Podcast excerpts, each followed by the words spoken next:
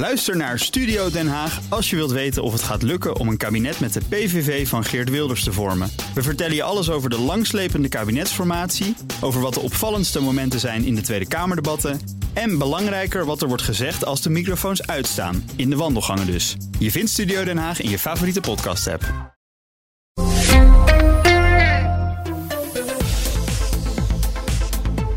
Iedere dag een blik op de wereld en die komt van onze Europa-verslaggever Geert-Jan Haan. Geert-Jan, goedemiddag. Goedemiddag Thomas. Laten we aftrappen daar waar het hoort eh, de afgelopen dagen. De gevechtspauze tussen Israël en Hamas.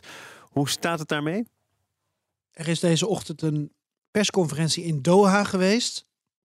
Qatar is op dit moment uh, ja, eigenlijk bemiddelaar nummer één.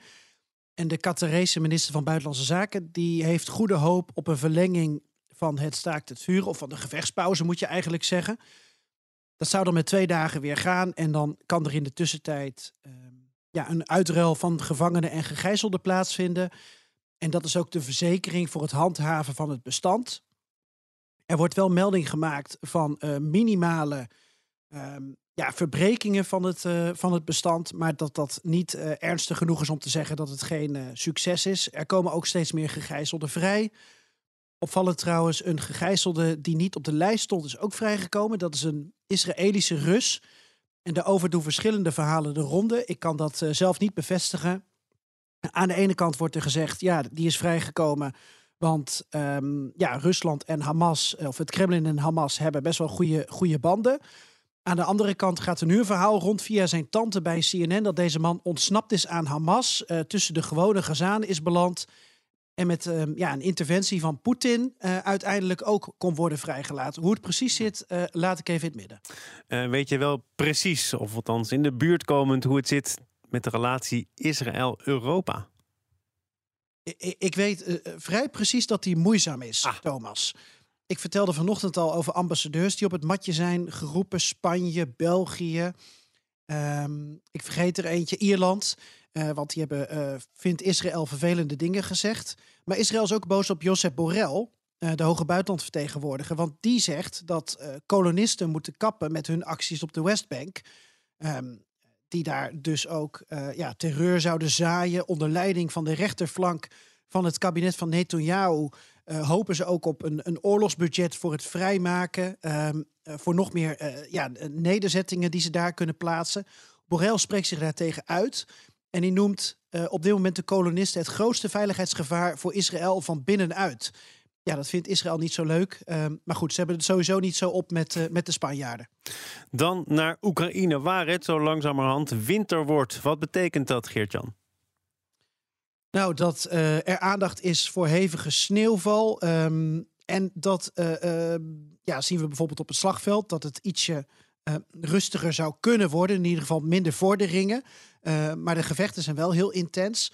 Wat mij nog opvalt, Thomas, is van de Russische zijde valt het op dat er steeds meer luchtafweer verplaatst wordt richting het front of richting Moskou of richting Rostov. dat is um, een stad niet ver van Oekraïne vandaan, van waaruit de oorlog wordt gecoördineerd.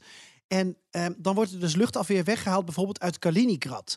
Dat wordt dus niet als potentieel slagveld gezien. En ik vind dat toch, toch opmerkelijk, Thomas. Want Kaliningrad, dat grenst nu volgens het Russische frame aan de NAVO-zee, aan de Oostzee. En wat je ook verder ziet, is dat uh, uh, ja, het maar weinig over Kaliningrad gaat. Terwijl, weet je, uh, de Russische doctrine houdt in dat je het moederland te alle tijden moet kunnen verdedigen. Nou, als er zoveel luchtafweer blijven weghalen omdat ze dus tekorten hebben en dat nodig hebben aan het front. Daarmee maken ze Kaliningrad kwetsbaar. Oftewel, ze maken het moederland kwetsbaar. Dus dat druist in tegen hun eigen beleid.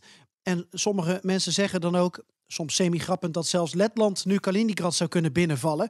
Uh, nou ja, ik denk niet dat het op korte termijn gebeurt, maar dat soort scenario's die hoor je nu langs gaan. Dan naar een, uh, misschien wel tot slot met het oog op de tijd, uh, ja, interessant verhaal dat denk ik uh, maar weinig mensen tot zich zullen nemen. Namelijk, ja, hoe komt Oekraïne, dat al sinds het begin van de oorlog in ondertal is, het in uh, getalsmatig natuurlijk moet afleggen tegen de Russen, aan voldoende mensen om een, een goed leger op de been te brengen en te houden? Ja, ik, uh, sorry dat ik wat over de tijd ga, Thomas. Ik praat wat langzamer omdat ik net een pepernoot heb gegeten... en die zit een beetje ergens dwars in mijn keel. Dus Kijk, iedereen heeft zijn eigen problemen, Geert-Jan. Ja, uh, Eden heeft frustraties vanwege FCM, ik vanwege mijn pepernoot. Um, nee, ik uh, zag dat deze week Oekraïne waarschijnlijk met een plan gaat komen... om, om mensen te werven voor het slagveld...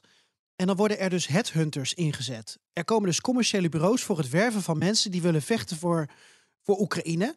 Um, maar wat ze dus op dit moment zeggen in de media is: ja, we willen dat heel gericht doen. Dus als mensen geschikter zijn voor onderhoud van voertuigen of reparaties of voor kantoorwerk, logistieke aansturing, dan moet dat ook kunnen.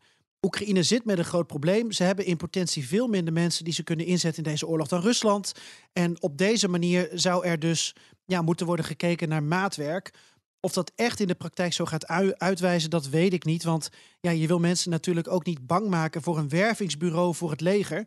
Dus dan probeer je ook natuurlijk gewoon verhaaltjes op te hangen die misschien wat meer in goede aarde vallen. Geert-Jan Haan, eh, ik hoop op een eh, spoedig herstel van de situatie in je mond. En um, tot later deze week.